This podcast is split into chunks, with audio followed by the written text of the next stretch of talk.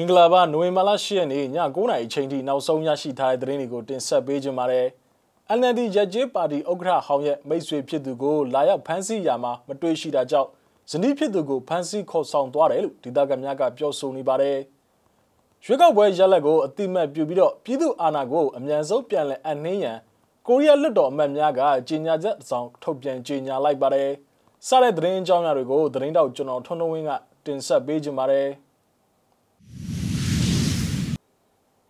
ပထမဆုံးအနေနဲ့တင်ဆက်ပေးခြင်းတဲ့သတင်းကတော့မန္တလေးတိုင်းဒေသကြီးတောင်သာမြို့နယ်နမ်းမြင့်ကျေးရွာရဲ့အမျိုးသားဒီမိုကရေစီအဖွဲ့ချုပ်ပါတီရဲ့ရကြစ်ဥက္ကဋ္ဌဟောင်းရဲ့မိတ်ဆွေဖြစ်သူဦးအောင်ကိုကိုဒီကနေ့နိုဝင်ဘာလ10ရက်နေ့နနက်9:15မိနစ်အချိန်ခန့်မှာအကြံပတ်စစ်ကောင်စီတပ်ဖွဲ့ဝင်တွေကလာရောက်ရှာဖွေဖမ်းဆီးခဲ့ရမှာမတွေ့ရှိခဲ့တာကြောင့်၎င်းရဲ့ဇနီးဖြစ်သူမတ်တင်းတင်းမြက်ကိုဖမ်းဆီးခေါ်ဆောင်သွားတယ်လို့ဒေသခံများထံမှသိရပါတယ်။ ဦးအောင်ကိုဟာနမ်းမြင့်ကျေးရွာရဲ့မြို့သားဒီမိုကရေစီအဖွဲ့ချုပ်ပါတီဥက္ကဋ္ဌဟောင်းနဲ့ရကြေးအုပ်ချုပ်ရေးမှူးဟောင်းဖြစ်သူဦးစိုးထေးအောင်ရဲ့မိတ်ဆွေလည်းဖြစ်ပါတယ်။ဦးစိုးထေးအောင်ဟာယမနေ့နိုဝင်ဘာလ9ရက်နေ့ညနေ6နာရီမှာအကြမ်းဖက်စစ်ကောင်စီရဲ့အကြောင်းမဲ့ဖမ်းဆီးခြင်းကိုခံလိုက်ရတယ်လို့ဒေသခံတို့က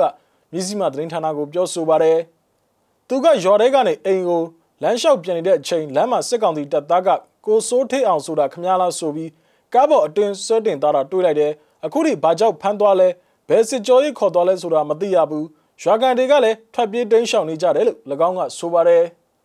ဦးစိုးထေးအောင်ကိုဖမ်းဆီးပြီးတော့အင်ဂျီ400ကျော်ရှိတဲ့နမ်းမြင့်ကျေးရွာကဒေသခံအများစုမှာနီးစပ်ရကျွေးရများသို့ထွက်ပြေးတိမ်းရှောင်နေရကြတယ်လို့သိရပါတယ်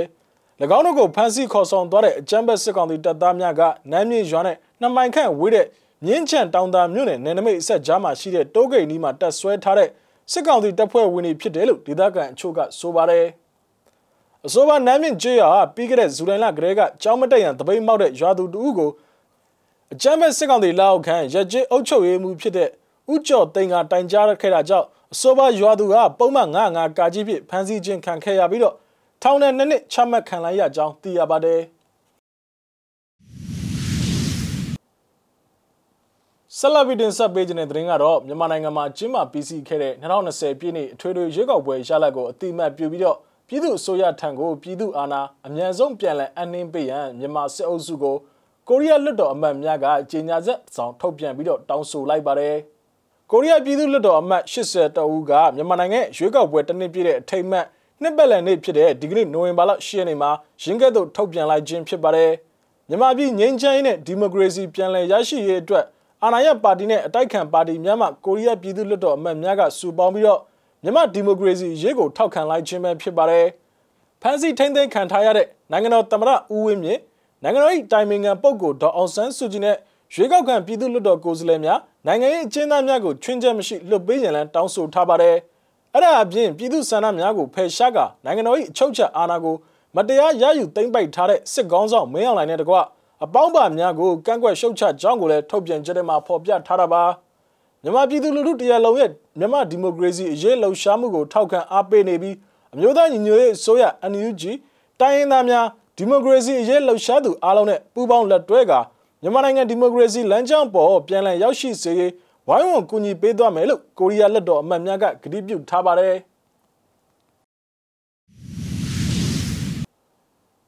နောက်ထပ်တင်ဆက်ပေးခြင်းတဲ့သတင်းကတော့ကလေးမျိုးမှချင်းတောင်ဘက်သို့တက်လာတဲ့ စစ်ကားကြီးနှစ်စီးနဲ့ကားသိန်းနှစ်စီးပါအကြမ်းဖက်စစ်ကောင်စီရင်တန်းကိုဒီကနေ့နိုဝင်ဘာလ10ရက်နေ့နနက်10:00နာရီဝန်းကျင်ချိန်ခန့်ကဒေသခံပြည်သူ့ကာကွယ်ရေးပူးပေါင်းတပ်ကဘုံခွဲတိုက်ခိုက်ခဲ့တယ်လို့သိရပါတယ်။အဆိုပါဘုံခွဲတိုက်ခိုက်မှုကို PDF ဇိုလန်နဲ့စီရီယန်စီရင် KKG တပ်ရင်းနှစ်တို့ပူးပေါင်းကတိုက်ခိုက်ခဲ့ခြင်းဖြစ်ပြီးတော့ထိခိုက်ပျက်စီးမှုအသေးစိတ်ကိုတော့မသိရှိရသေးကြောင်းကိုဇိုမီဖက်ဒရယ်အစည်းအရုံး ZFU PDF ဇိုလန်ကထုတ်ပြန်ထားပါတယ်။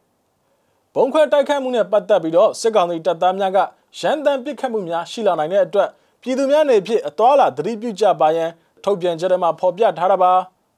နိုဝင်ဘာလ9ရက်နေ့ကလည်းတိတိမ်မြို့နယ်ကနေဒီတောင်ချေမှာ PDF ဇိုလန်နဲ့ CDN စီရင်တို့ပူးပေါင်းတပ်တို့ကစစ်ကောင်စီတပ်သားများနဲ့တိုက်ပွဲဖြစ်ပွားခဲ့ရမှာအကြမ်းဖက်စစ်ကောင်စီတပ်ဘက်မှ2ဦးသေဆုံးပြီးတော့လက်နက်များသိမ်းဆည်းနိုင်ခဲ့ကြောင်းသိရပါတယ်အဆိုပါတိုက်ပွဲမှာပူးပေါင်းအဖွဲ့ဘက်မှ2ဦးဒဏ်ရာရရှိခဲ့ပါသေးတယ်။ ချင်းပြည်နယ်မှာဖြစ်ပွားနေတဲ့တိုက်ပွဲများနဲ့ပတ်သက်ပြီးရှေ့တန်းထွက်နေတဲ့မင်းတပ်စီရီယာရဲ့ပြောရေးဆိုခွင့်ရှိသူစလိုင်းယောမန်ကစစ်ကောင်စီတွေအကြဆုံးများရတာကစီရီယာမင်းတပ်ကဂျားပြတ်တိုက်တာစစ်ကောင်စီရင်တန်းရဲ့နောက်ဆုံးကကိုတိုက်ခိုက်နေခြင်းမှာရေမောင်းကကားမောင်းပြေးတော့ကားအောင်မှာဝစ်နေရယူတဲ့စစ်သားတွေကကားနောက်ကိုဥရားဖားရပြန်ပြေးလိုက်နေချိန်မှာစီရီရဲ့မင်းတွေကဝိုင်းဝန်းပစ်ခတ်မှုကြောင့်အကြဆုံးများခြင်းဖြစ်တယ်လို့၎င်းရဲ့လူမှုကွန်ရက်စာမျက်နှာမှာရေးသားထားတာပါ စစ်ကောင်စီတပ်ဖွဲ့ကအေဂျင့်စွာနေထိုင်တဲ့ရွာများမှနေများကိုမိရှို့ဖျက်ဆီးပြီးပစ္စည်းများခိုးယူကဒေသခံများမွေးမြူထားတဲ့နွားနောက်များကိုလည်းတပ်စားမှုများပြုလုပ်လျက်ရှိပါတယ်အဆိုပါရွာများမှာရွာသားများကလည်းစစ်ကောင်စီကိုတော်လှန်နေတဲ့တိုက်ပွဲများအတွင်းမှာပါဝင်လာကြောင်းကိုလည်းစလိုင်းရောမန်ကဆိုပါတယ်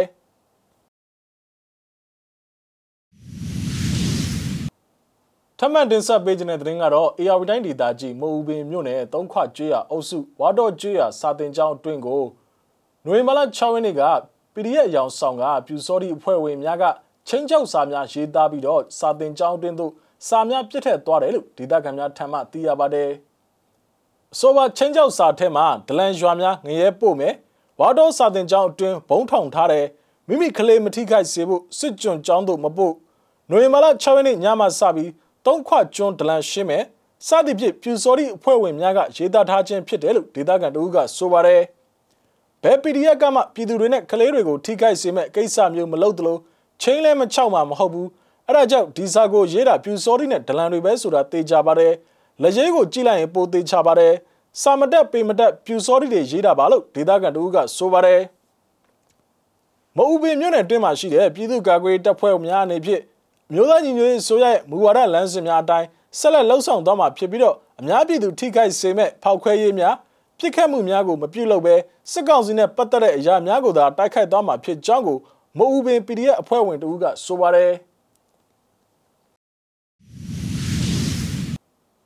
နောက်ဆုံးနေ့နဲ့တင်ဆက်ပေးခြင်းတဲ့သတင်းကတော့ဒီမိုကရေစီကိုလိုလားတဲ့လူငယ်တွေရှိနေသွေးအာဏာရှင်စနစ်ဘယ်တော့မှကြီးစိုးလို့မရဘူးဆိုတဲ့ကြွေးကြော်တမ်းများဖြင့် မန္တလေးလူငယ်များတပိတ်စစ်ကြောင်းဟာဒီကနေ့နိုဝင်ဘာလ10ရက်နေ့ညနေပိုင်းချိန်ကမန္တလေးမြို့တနေရာမှာအကြမ်းဖက်စစ်အာဏာရှင်အလို့မရှိကြောင်းကိုလမ်းလျှောက်ချီတက်ဆန္ဒပြခဲ့ကြပါတယ်ဆန္ဒပြဗီဒီယိုဖိုင်ကိုဖွင့်ပြခြင်းပါတယ်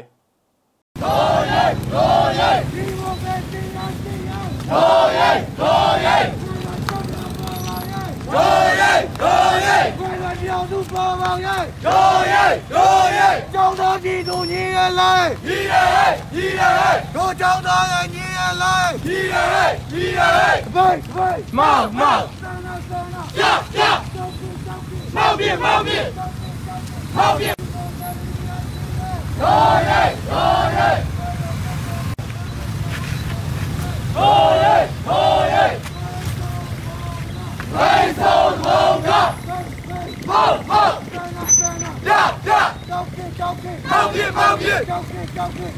包庇，包庇，中央机关，高一，高一，为了政策不包庇，高一，高一，为了民主不包庇，高一，高一，一耶一，人，一一，为人民服务，高一高一，高一一，一。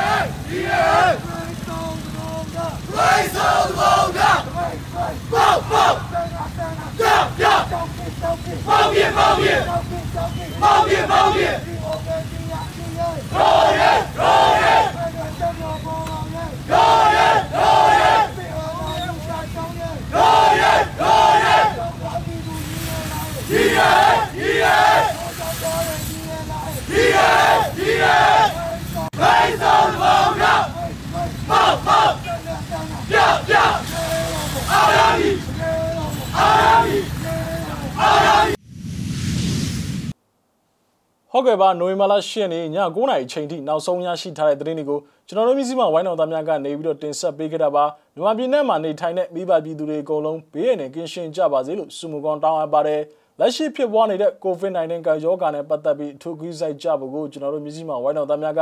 တိုက်တွန်းလို့ဆိုခြင်းပါတယ်နောက်ထပ်ရရှိလာမယ့်သတင်းတွေအတူတူကျွန်တော်တို့ပြန်လာခဲ့ပါမယ်